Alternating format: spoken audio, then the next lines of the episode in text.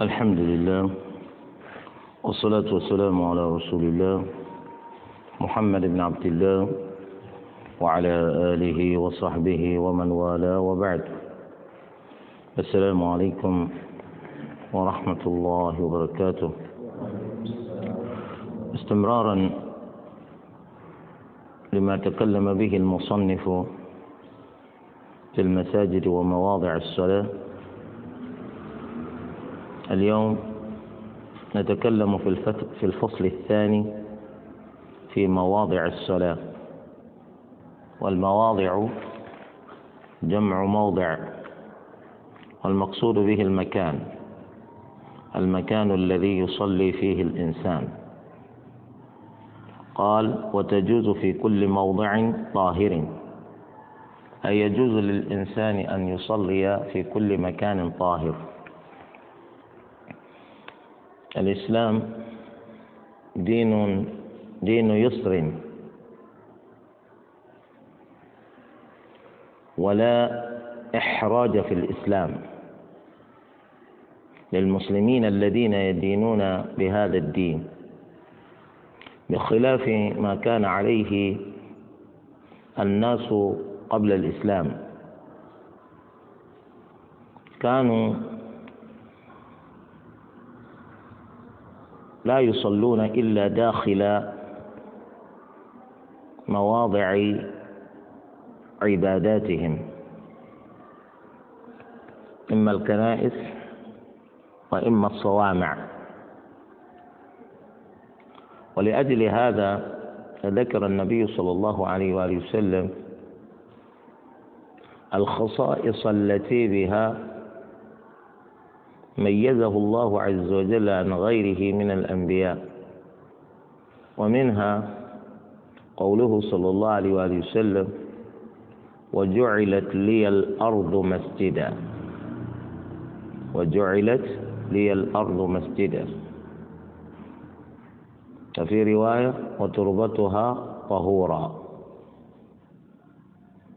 بل ذكر النبي صلى الله عليه وآله وسلم ما به يتبين للإنسان المراد بقوله وجعلت لي الأرض مسجدا إذ قال فأينما أدركت رجلا من أمتي الصلاة فثم مسجد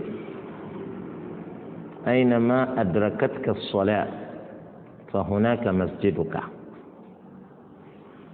المسلم إما أن تصلي داخل مسجد بني وأعد للصلاة فثم مسجد أو تصلي في أي مكان في الخارج فذلك المكان أيضا مسجد بالنسبة لك لأنك مسلم. المسلمون يصلون أينما سنحت لهم الفرصة أن يأتي بالصلاة فيه. وهذه ميزة وخصوصية اختصت بها أمة محمد صلى الله عليه وآله وسلم دون غيرها من الأمم. ولأجل هذا تجوز الصلاة في كل مكان طاهر. في كل مكان طاهر. واشترطت الطهارة لأن الذي يصلي في الحقيقة إنما يناجي ربه. وإذا أراد الإنسان أن يناجي ربه فعليه أن يختار لذلك مكانا طاهرا. لأن ربنا عز وجل كما في الحديث طاهر طيب لا يقبل إلا طيبا وحتى تكون صلاتك مقبولة فلا بد وأن تختار لها مكانا طاهرا. فلا تقولوا إن النبي صلى الله عليه وآله وسلم قال وجعلت لي الأرض مسجدا فتصلي في مكان نجس. لأن قوله هذا سوف يتبين لنا فيما يأتي أنه عام مخصص وجعلت لي الأرض. أي جعلت لي الأرض. كلها جعلت لي الأرض كلها مسجدا. هذا عام مخصص بأدلة أخرى يتبين لنا من خلالها المستثنات.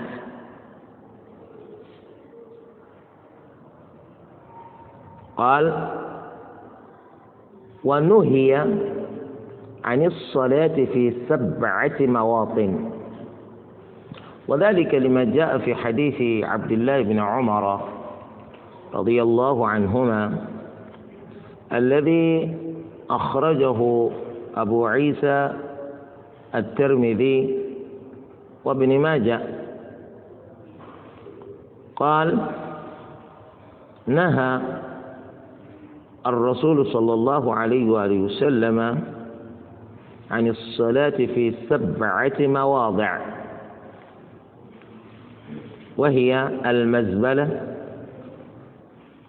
والمجزرة والمقبرة وقارعة الطريق ومعاطن الحب ومعاطن الإبل وفي الحمام وفوق ظهر بيت الله الحرام.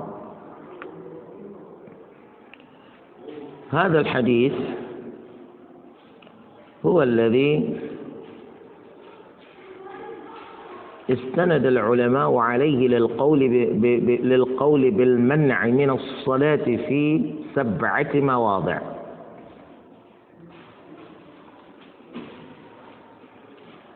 وهي على ترتيب صاحب الكتاب المزبلة. وهكذا جاء في الحديث. المزبلة هو المكان الذي يرمي الناس فيه الزبالة. يرمي الناس فيه القمامات. يرمي الناس فيه الأوساخ.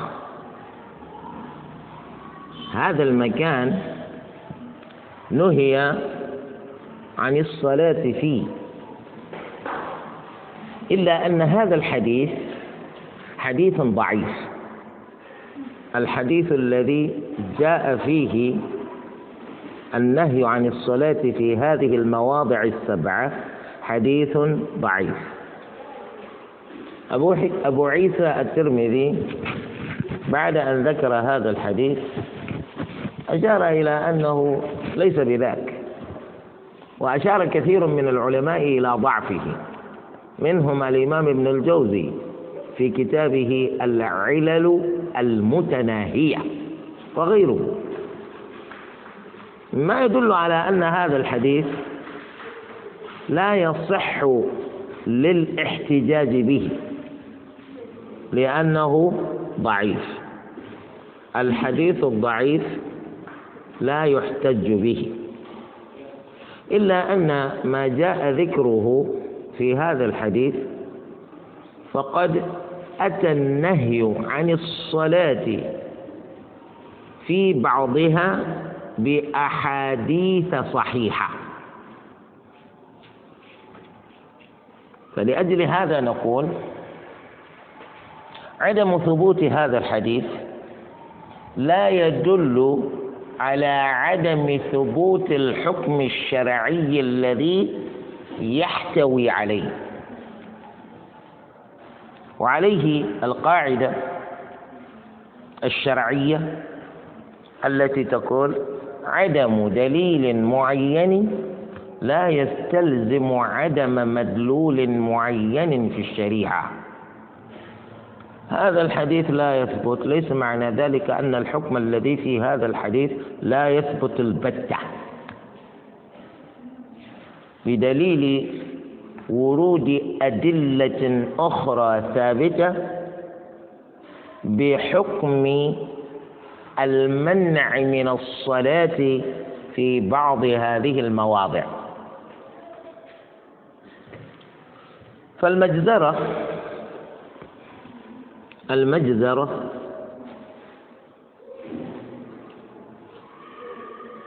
هذا المكان الذي يرمي الناس فيه القمامات والأوساخ. الحديث الذي جاء به هو هذا. ولا يوجد حديث آخر ورد فيه لفظ المجزرة بالنهي عن الصلاة فيها. إلا أن العلماء يقولون المجزرة لا يخلو من أن يكون متلوثا بالنجاسات كالدم والقذارات. إذا كان إذا كانت المجزرة كذلك فإنه ينهى عن الصلاة فيها. إذا كانت المجزرة تحوي النجاسات كالدم والقذارات فإن المسلم ينهى عن الصلاة في المجزرة. وإما أن تكون المجزرة طاهرة نظيفة. استغفر الله. المجزرة آه المزبلة. كنا نتكلم في المزبلة. المزبلة وهو المكان الذي يرمي الناس فيه الأوساخ والقمامات. المزبلة لا تخلو من أن تكون من أن تكون متلوثة بالنجاسات. إذا كانت متلوثة بالنجاسات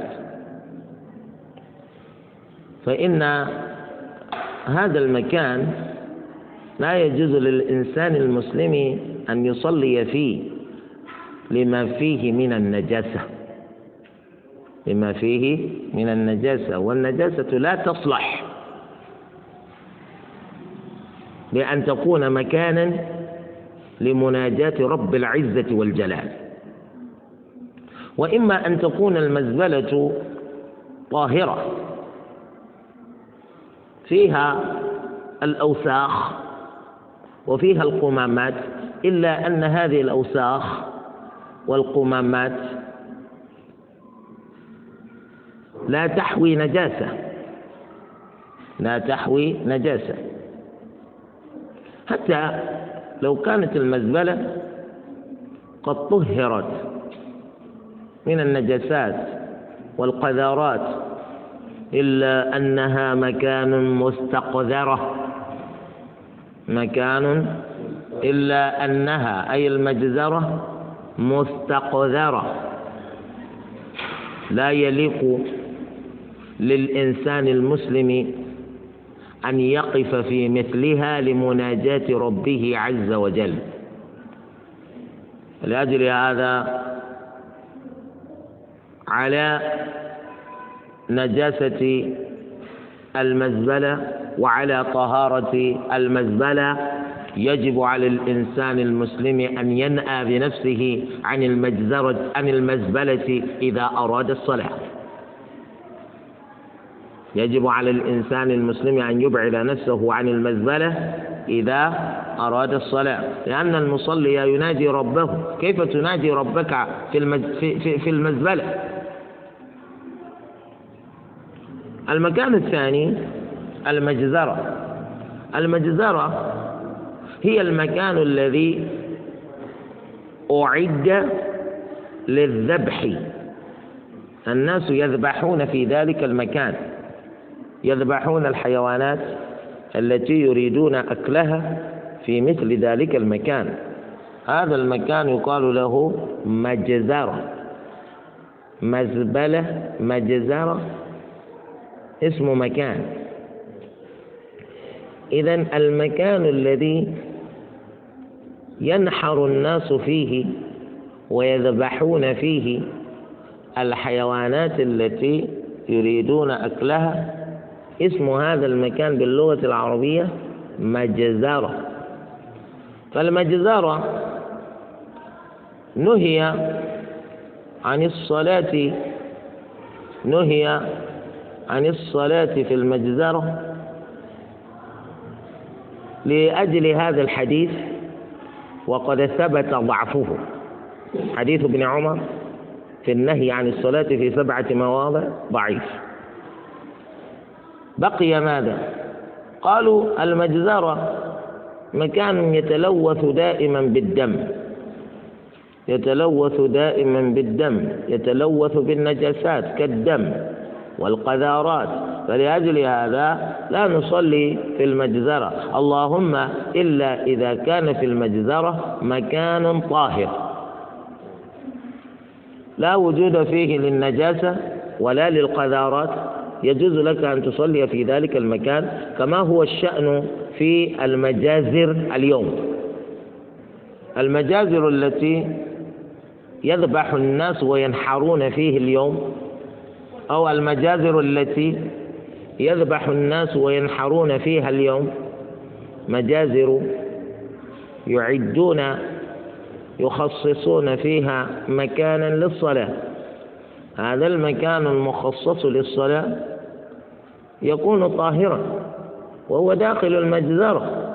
يجوز للإنسان أن يصلي في مثل ذلك المكان في المجزرة دون المزبلة. في المجزرة دون المزبلة. المكان الثالث المقبرة. المقبرة اسم للمكان الذي يقبر الناس فيه موتاهم. المكان الذي يقبر الناس فيه موتاهم يقال له مقبرة. هذا المكان هل يجوز الدفن؟ هل يجوز هل تجوز الصلاة في مثل هذا المكان؟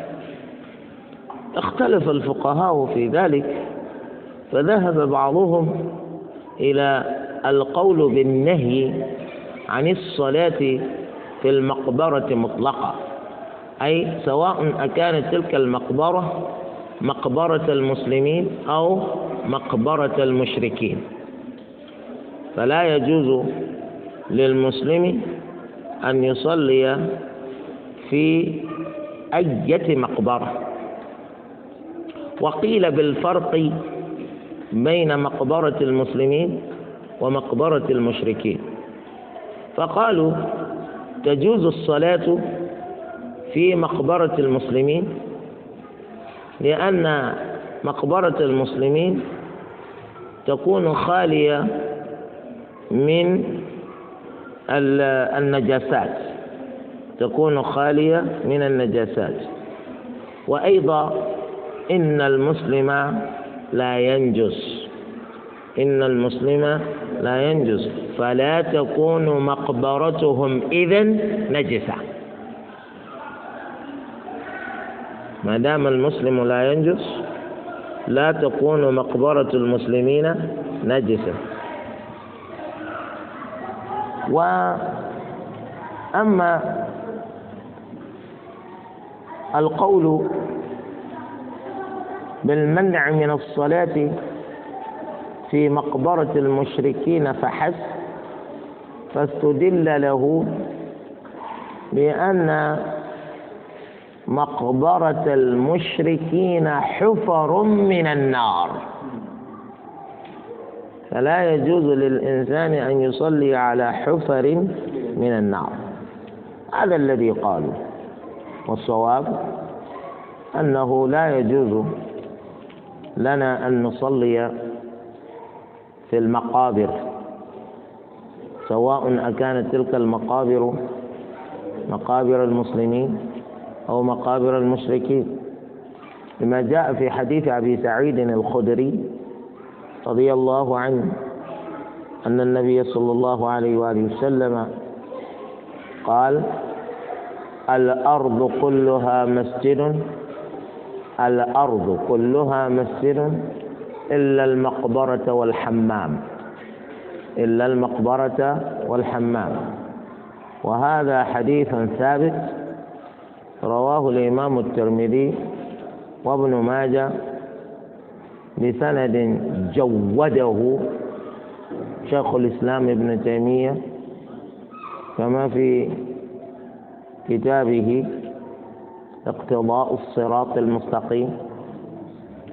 وكذلك صححه الشيخ الألباني الأرض كلها مسجد إلا المقبرة والحمام. فعلم من هذا عدم جواز الصلاة في المقابر كلها. ويستثنى من الصلوات التي تنهى عن فعلها في المقابر صلاة الجنازة. فتجوز صلاة الجنازة في المقبرة تجوز صلاة الجنازة في المقبرة.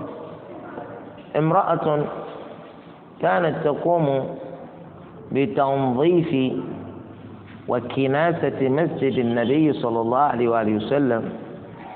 افتقدها الرسول صلى الله عليه وسلم يوما فأخبر بأنها توفيت. فقال النبي صلى الله عليه وسلم ألا آذنتموني. لماذا لم تخبروني بأنها ماتت؟ قالوا إنها ماتت بليل. وما كان بود الصحابة أن يزعج النبي صلى الله عليه وآله وسلم. فلذلك لم يوقظوه فدفنوها بليل. فطلب منهم النبي صلى الله عليه وآله وسلم الذهاب به إلى قبرها في مقبرة البقيع. فأتوا بالنبي صلى الله عليه وآله وسلم إلى قبرها فأمرهم بأن يصطفوا خلفه فكبر عليها أربعا. صلى عليها صلاة صلاة الجنازة داخل المقبرة. كذلك هذا في صحيح مسلم كذلك موتى آخرون. حصل لهم مثل هذا. فإن النبي صلى الله عليه وسلم كان يمشي يوما في مقبرة البقيع فرأى فرأى قبرا يبدو عليه أثر الجدة. أي يظهر على ذلك القبر أنه جديد. فسأل النبي صلى الله عليه وسلم متى جيء بهذا هنا؟ فأخبروه بأنه مات أيضا بليل وما أرادوا أن يزعجوا النبي صلى الله عليه وسلم فدفنوه بليل دون إخباره.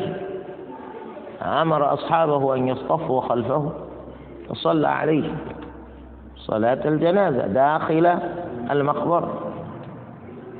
وهذا مستثنى إذا لا تجوز الصلاة في المقبرة إلا صلاة الجنازة.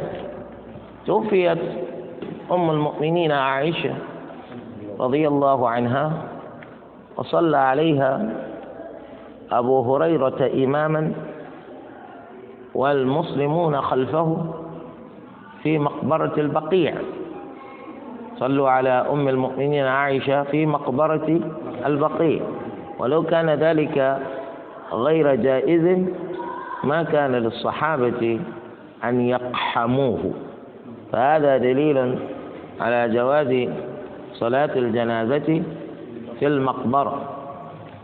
وإذا تقرر عندنا عدم جواز الصلاة غير صلاة الجنازة في المقبرة علمنا بذلك ألا فائدة في إضاعة المال لبناء مسجد داخل المقبرة.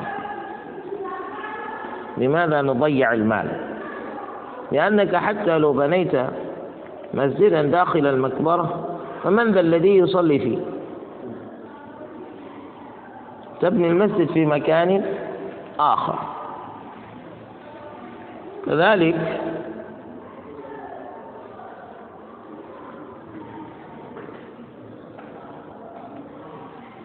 ويدخل في هذا بناء المسجد على القبر. هل يجوز بناء المسجد على القبر؟ لا يجوز ذلك. وإذا تبين لنا أن مسجدا قد بني على قبر فإننا نسأل عن أيهما أسبق. إذا كان القبر هو الأسبق فإن هذا المسجد يهدم يزال. أما إذا تبين أن المسجد كان الأسبق فإن القبر ينبش وينقل. نفتحه ونستخرج الميت لندفنه في مكان آخر. فهمتم؟ إذا فما حكم الصلاة داخل مسجد بني على قبر؟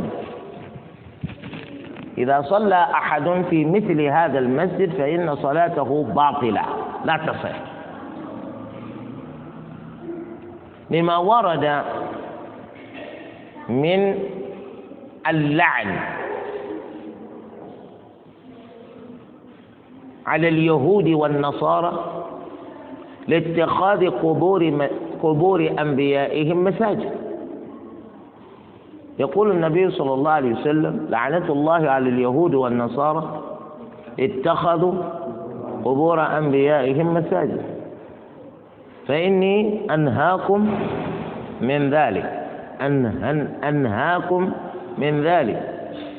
فلا تتخذوا قبري مسجدا. إذا إذا بنيتم مسجدا على قبر فإن ذلك المسجد يهدم. ومن صلى داخل مثل ذلك المسجد فإن صلاته لا تنعقد صحيحة بل باطلة. كيف ما هو الحكم الشرعي في مقبرة كانوا يدفنون الناس فيها وأردنا أن نبني المسجد على ذلك المكان الذي كان مقبرة قبل هل الإسلام يسمح بذلك أو لا يسمح به؟ نعم. الإسلام يسمح بذلك. يسمح بذلك. كيف ذلك؟ لأن مسجد الرسول صلى الله عليه وآله وسلم كان مكان مسجده قبل مقبرة مقبرة للمشركين. فالنبي صلى الله عليه وسلم لما اشترى هذا المكان ما رضي صلى الله عليه وسلم أن يهدوه المكان. في هذا حكمة حكمة إلهية. لأن هذا المسجد سيبقى أبد الدهر مسجدا للرسول صلى الله عليه وآله وسلم. ولو أنهم أهدوا للرسول صلى الله عليه وسلم أرض المسجد. وقبل النبي صلى الله عليه وسلم تلك الأرض هدية. ربما إذا سمعوا من النبي صلى الله عليه وآله وسلم ما لا تروق له نفوسهم. قالوا له يوما انقل مسجدك من هذا المكان فإننا ندمنا أن هدينا لك هذا المكان. لأن الكلام الذي تقوله ما سمعنا بمثله في آبائنا الأولين. فهمتم؟ ولذلك من المستحسن إذا كنت قادرا وأنت مليء تستطيع أن تشتري الأرض لبناء المسجد يكون هذا أفضل. لأن أحيانا من يهدي لك الأرض لبناء المسجد ربما انقلب عليك يوما. فإذا انقلب عليك ربما استرجع الأرض. رد إلي أرضي. فأنا لا أهديك الأرض بعد. فالنبي صلى الله عليه وسلم اشترى الأرض. ما رضي؟ بالهدية. ثم لما اشترى هذه الأرض وجدوا بها مقابر. فأخذ الصحابة رضوان الله عليهم ومعهم النبي صلى الله عليه وسلم ينبشون تلك القبور. لاستخراج ما بقي في تلك القبور من من جثث الموتى الذين قد كانوا دفنوا في ذلك المكان قبل. استخرجوا كل شيء. بعد استخراجهم لبقايا الموتى المدفونين في المكان وتأكدوا من أنه ما بقي لأحد في قبره أثر. في ذلك الوقت بدأوا في إنشاء مسجد الرسول صلى الله عليه وسلم. إذا لا ضير في أن نبني مسجدا على مقبرة بعد نبشها نبشا جيدا واستخراج بقايا الموتى من القبور التي في تلك المقبرة استخراجا تاما. في ذلك الوقت نبني المسجد فوق ذلك المكان. كيف؟ إذا وجد مسجد بني إلا أن الناس جعلوا الساحة الأمامية للمسجد الساحة الملاصقة للمسجد من أمامه جعلوها مقبرة. ثم أحاطوا الساحة بجدار ملاصق بجدار المسجد الأمامي. فما حكم هذا؟ هل هو كبناء مسجد على القبور أو هو كدفن الموتى داخل المسجد. نقول في هذا قطعا لم يبنى المسجد على القبر وليس هو كدفن الميت داخل المسجد. وإنما الذي في هذا أنهم جعلوا موتاهم في جهة القبلة للمسجد بحيث كانت المقابر ملاصقة للمسجد تماما بتمام. وأغلقوا المقبرة بجدار ملاصق بجدار القبل للمسجد. ملاصق للجدار القبلي للمسجد. وهل تجوز الصلاة داخل مثل هذا المسجد؟ لا تجوز. لا تجوز. سدا للذريعة. لأن الصلاة داخل هذا المسجد تشبه إلى حد كبير أنكم إنما تصلون تصلون إلى القبور. تصلون إلى القبور وتعبدون من في القبور. حتما تصلون إلى القبور. وكأنكم تعبدون من في القبور. والله أعلم بما في قلوبكم. ربما نقول أيضا حتما إنما تعبدون من في القبور لما في نواياكم. والله هو المطلع على ما في صدور ولأجل هذا إذا وجدنا مسجدا كهذا فالواجب علينا أن نأمرهم بإزالة القبور بإزالة القبور التي في الجهة القبلي للمسجد والذي أغلق بجدار المسجد بجدار. يجب عليهم أن يزيلوا تلك القبور ويجب عليهم أن يزيلوا ذلك الجدار. وليكن أمام المسجد مفتوحا لا شيء فيه. هكذا ينبغي أن يفعلوا ثم بعد المقبرة محجة الطريق. محجة الطريق أي قارعة الطريق وسط الطريق. والطريق إما أن يكون مهجورا وإما أن يكون معمورا. المهجور هو المكان الذي تركه الناس لا يمرون به. والمكان والطريق المعمور هو الطريق الذي لا يزال الناس يمشون به. فإذا كان الطريق مهجورا جاز للإنسان أن يصلي في ذلك الطريق لأنه آه، لا يخشى أن يكون إنما وقف على نجاسة. لأن الطريق مهجورا. وكذلك لا لا لا لا لا يخشى عليه الحادث لأن الناس هجروا هذا المكان. فلا يقال ربما يأتي من يصدمه بالسيارة إذا أخذ يصلي أو يصدمه بدراجته النارية إذا بدأ يصلي أو يصدمه بدراجته الهوائية إذا أخذ يصلي. الطريق مهجور مهجور. أما إذا كان الطريق معمورا فإنه ينهى عن الصلاة فيه. لماذا؟ لأن الإنسان لا يأمن في مثل هذا الطريق من النجاسة.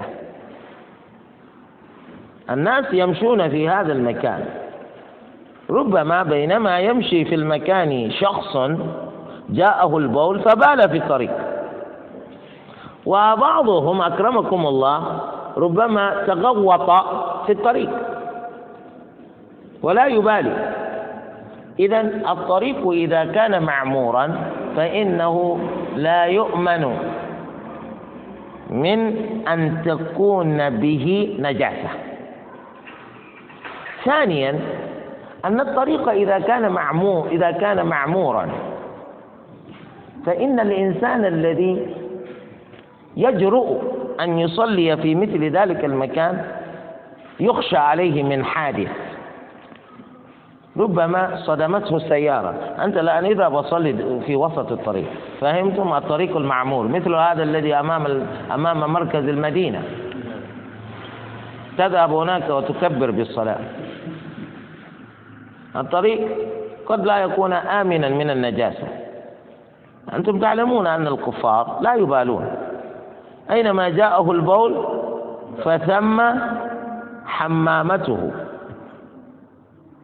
ويبول في كل مكان ويستخرج عورته ولا يبالي. لأنهم أصلا لا حياء عندهم. الذي فقد الدين. لن يجد الحياء إليه سبيلا.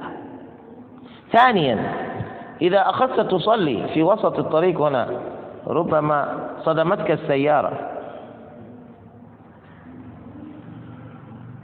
ويقع عليك حادث حادث سير فلذلك لا تصلي في وسط الطريق يا رجل إذا كان الطريق معمورا.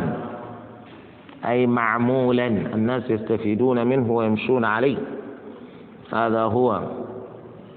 طبعا هذا ما في حديث صحيح قائم بنفسه إلا هذا الحديث الذي قلنا عنه ضعيف.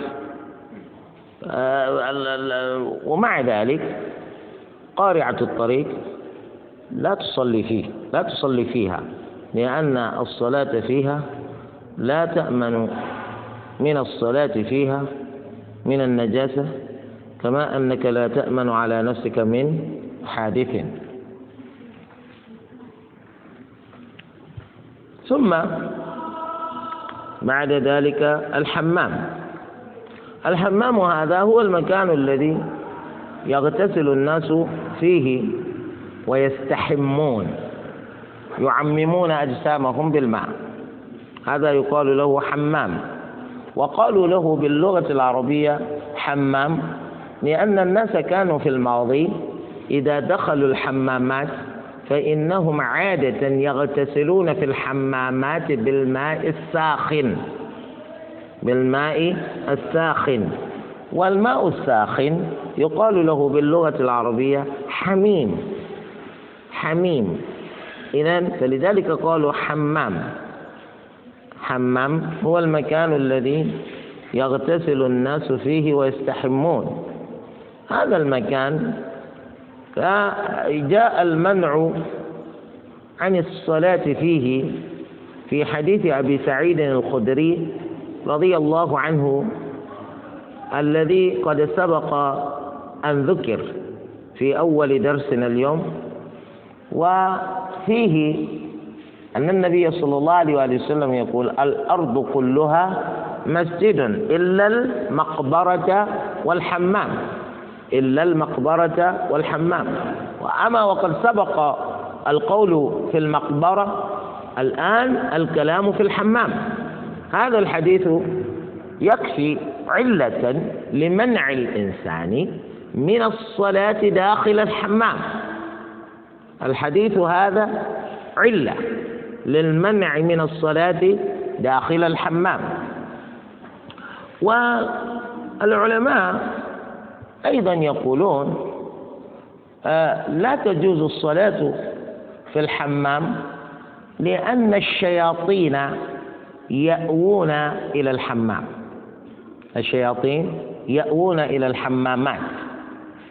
فالشياطين لا تأوي إلى الحشوش فقط. الحشوش إيه، الكنائس. الكنائس. ها لا تأوي الشياطين إلى الحشوش فقط إلى الكنائس فقط أي المكان الذي الخلاء. الذي تقضي فيه حاجتك بولا أو غائطا. ليس هذا المكان فقط هو المكان الذي تأوي إليه الشياطين. الشياطين أيضا تأوي إلى الحمامات. لأن الشياطين آه، تريد دائما أن تكون في الأمكنة القذرة. في الأمكنة القذرة وفي الأمكنة التي لا تسلم من نجاسات. لأن الناس عادة إذا دخلوا الحمامات ويريدون الاغتسال فيها هم في الغالب يبولون. يبولون مثل هذا المكان الشياطين يرغبون البقاء في مثل ذلك المكان. فلذلك قالوا يعني الحديث علة. ثم هذا المكان مأوى الشياطين. ثم الناس يعتادون كشف العورات داخل داخل الحمامات. يكشفون عوراتهم داخل الحمامات. فكيف تصلي في مكان غيرك كشف فيه عورته؟ لأن الحمامات في السابق يدخل فيها ناس كثيرون.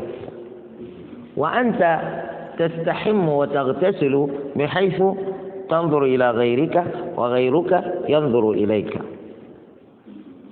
ولأجل هذا قالوا لا يجوز للمرأة أن تدخل الحمامات وإلا هتكت الستر بينها وبين ربها.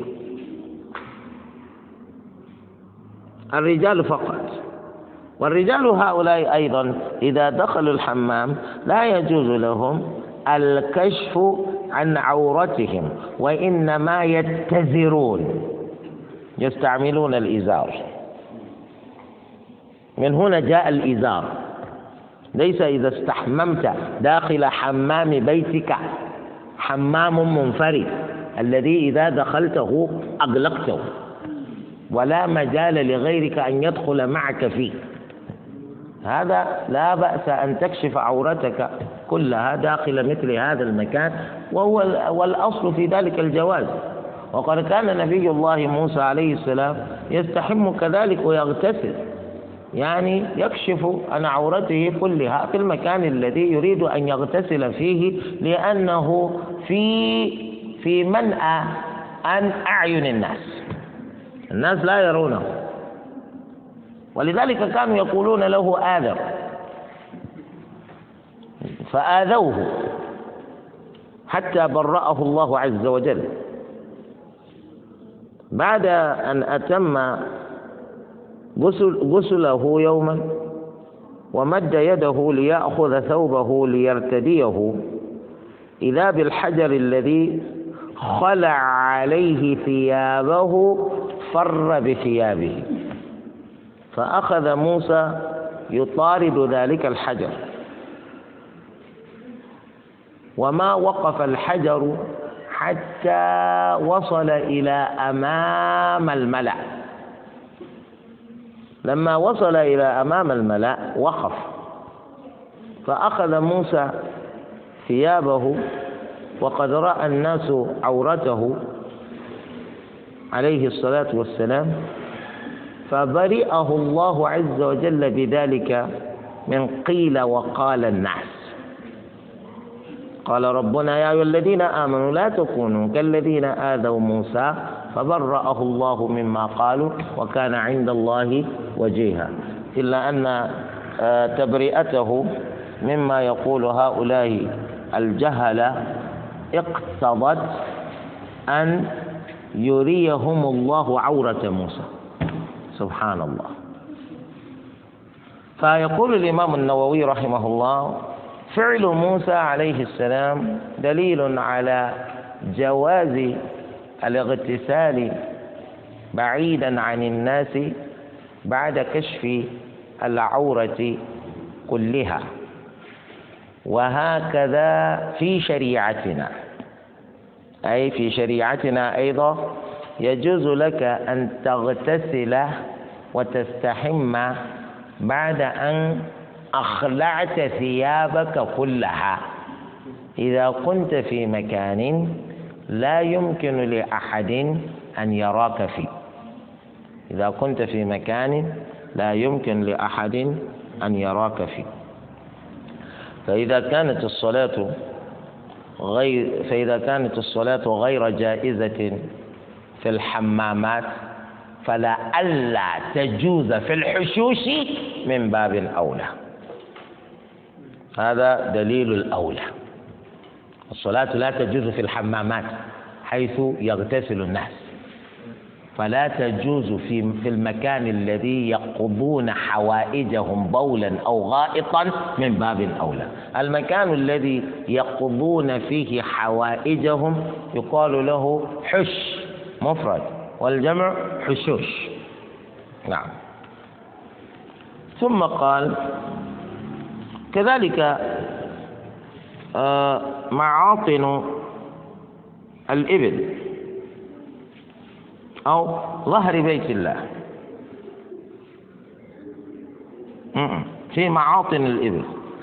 معاطن الإبل هي المكان الذي تجتمع فيه الإبل بعد صدورها من الماء. إذا ذهبت الإبل إلى مكان الماء فشربت تعود إلى مكان لتجتمع فيه تنوخ بكلاكلها. تنوخ بكلاكلها. كلكل صدر. كلكل صدر الإبل يقال له كلكل صدر الإبل يقال له كلكل. تنوخون بكلاكلها بعد شرب الماء تجتمع هناك. هذا المكان يقال له معاطن الإبل أو مبارك الإبل. هذا المكان أيضا لا تجوز الصلاة فيه. آه، المكان الذي تجتمع فيه الإبل بعد صدورها من الماء هذا المكان لا تجوز الصلاة فيه. وذلك لأن لأنه جاء في حديث أن رجلا سأل النبي صلى الله عليه وآله وسلم كما في صحيح مسلم قال أصلي يا رسول الله في مرابض الغنم والبقر. قال النبي صلى الله عليه وسلم نعم. ثم قال أصلي في معاطن الإبل. فقال النبي صلى الله عليه وآله وسلم لا لا تصلي في مبارك الإبل. من هنا اختلف العلماء رحمة الله عليهم في العلة التي من أجلها نهي عن الصلاة في معاطن الإبل دون مرابط الغنم والبقر. جاء في حديث أن النبي صلى الله عليه وسلم يقول صلوا في مرابض الغنم فإنها بركة. صلوا في مرابض الغنم فإنها بركة. ولا تصلوا في معاطن الإبل فإنها من الشياطين. فإنها من الشياطين. فالعلماء يقولون ما معنى الإبل من الشياطين؟ قالوا أي الإبل مخلوقة من الشياطين. الإبل مخلوقة من الشياطين. وقد قال العلماء أشياء كثيرة. قالوا أشياء كثيرة. في الفرق بين مرابض الغنم والبقر ومعاطن الإبل. والصواب إن شاء الله أن الحديث هذا يكفي علة يكفي لبيان السبب الذي من أجله فرق بين مرابض الغنم ومعاطن الإبل. ثم قال وفوق ظهر الكعبة أي يمنع من الصلاة فوق الكعبة. هذا ما ورد به حديث مستقل. إنما هو هذا الحديث حديث ابن عمر الضعيف. وقال العلماء اختلف العلماء في ذلك إلى قولين. من العلماء من منع الصلاة فوق الكعبة لأنهم يقولون إذا صلى فوق الكعبة فإنه لا يستطيع بذلك أن يستقبل الكعبة كلها. وإنما يستقبل بعضها ويستدبر بعضها الآخر. وقال آخرون يكفيه أن يستقبل بعض الكعبة كما لو صلى على الأرض. لأنه إذا صلى على الأرض أيضا فإنه لا يتسنى له بذلك أن يستقبل الكعبة كلها. إنما يستقبل الكعبة من الجهة التي الكعبة بواجهته. وكذلك من على ظهر الكعبة. لكن نقول لا, لا, لا تجوز. لا تجوز الصلاة فوق ظهر الكعبة لأنه لا يمكنك أن تقف فوق ظهر الكعبة إلا وقد استدبرت بعض الكعبة وأنت مأمور بأن تتوجه صوب الكعبة لا أن تستدبر جهة الكعبة. فلذلك تمنع من الصلاة فوق ظهر الكعبة. ثم على القول بالجواز كيف تصل إلى فوق الكعبة. من الذي يتركك؟ قالوا فرضا فرضا لو أن الفرصة سمحت لك بأن بأن بأن تسطو فوق فوق ظهر الكعبة. هل تصلي هناك أو لا تصلي؟ لا تصلي. لكن كيف جز له أن يصلي داخل الكعبة ولم يجز له أن يصلي فوق الكعبة؟ أليس القول في الداخل؟ كالقول في السطح. لأن الذي نريد أن نفر منه لو صلى فوق الكعبة هو الذي يقع. لو صلى داخل الكعبة. إذا نقول ما جاز فعله داخل الكعبة جاز فعله فوق الكعبة. ما الذي يجوز فعله داخل الكعبة؟ صلاة نافلة. إذا تجوز صلاة نافلة كذلك على سطح الكعبة. إن سنحت لك الفرصة أن تصل هنا فهمت؟ وإلا لا تترك. من الذي يتركك؟ تلعب بالكعبة؟ لن يتركك أحد. ثم قال وتمنع في المذهب الفرائض داخل, داخل الكعبة خلافا لهما. أي نعم لا تجوز صلاة فريضة داخل الكعبة. لأن النبي صلى الله عليه وسلم إذ دخل الكعبة اكتفى بماذا؟ بصلاة نافلة. اكتفى بصلاة نافلة. فلا تجوز صلاة فريضة داخل الكعبة. وقول المالكية هنا هو الصواب. وإلا الشافعية والحنفية لهم قول آخر بعدم جواز صلاة فريضة داخل الكعبة. وتكره في المذهب الصلاة على غير الأرض يعني وما تنبته. فانتبهوا لهذا. على هذا القول الصلاة على أساس مسلح. لا تجوز. تكره عند المالكية. والصلاة على الإسمنت مكروهة عند المالكية. الصلاة على الحصير مكروهة عند المالكية الصلاة على الفرش مكروهة عند المالكية. لأن هذه الأشياء كلها وما شاكلها ليست جزءا من الأرض ولا شيئا مما أنبتته الأرض فتكره الصلاة عليه. لكننا نقول لا الأصل عدم الكراهية. الأصل عدم الكراهية. لما ثبت أن النبي صلى الله عليه وسلم نفسه صلى على حصير. في حديث أنس بن مالك رضي الله عنه أن النبي صلى الله عليه وسلم أتى إلى بيته للصلاة فهو قام بتنظيف الحصير الذي يقوم عليه النبي صلى الله عليه وسلم فصلى النبي صلى الله عليه وسلم عليه إلا أنه كما قال المالكية يكره للإنسان المسلم أن يصلي على فرش غالية جدا. على فرش غالية جدا.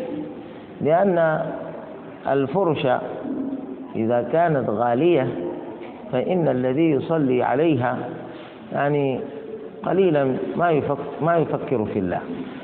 قليلا ما يفكر في الله. فلأجل هذا إذا كنت تصلي في مكان يكون تفكيرك في ذلك المكان قاصرا على الدنيا وما فيها قاصرا على النظر والتفكير في زخرفة الدنيا وزينتها فإن ذلك حتما يكره يكره. ونحن شاهدنا من مثيلات ذلك في بعض الأماكن في الأرض أنهم ينفقون أموالا باهظة في تزيين المسجد وفي فرش المسجد ويغيرون فرش المسجد من فينة لأخرى آه، تمشيا مع متغيرات العصر للأسف الشديد. إلا أن الفرش إذا كان الغالب على استعمالها وكذلك اختيارها إذا كان الغالب على ذلك آه، تقوى الله عز وجل وخدمة لدين الله عز وجل. نسأل الله عز وجل أن لا يكون في الأمر بأس. ما دام ليس باهظ الثمن وليس ملهيا لمن يصلي أن يفكر في الله. إذا كان لا يمنعك في أن تفكر في الله ما في مشكلة. ولم يكن غاليا جدا ما في مشكلة. هذا هو. نكتفي بهذا القدر. نسأل الله سبحانه وتعالى أن يعلمنا ما جهلنا وأن يبارك لنا فيما علمنا وأن يزيدنا علما. سبحانك اللهم وبحمدك. أشهد أن لا إله إلا أنت. أستغفرك وأتوب إليك. هل أتى وقت المغرب؟ أذن بالصلاة.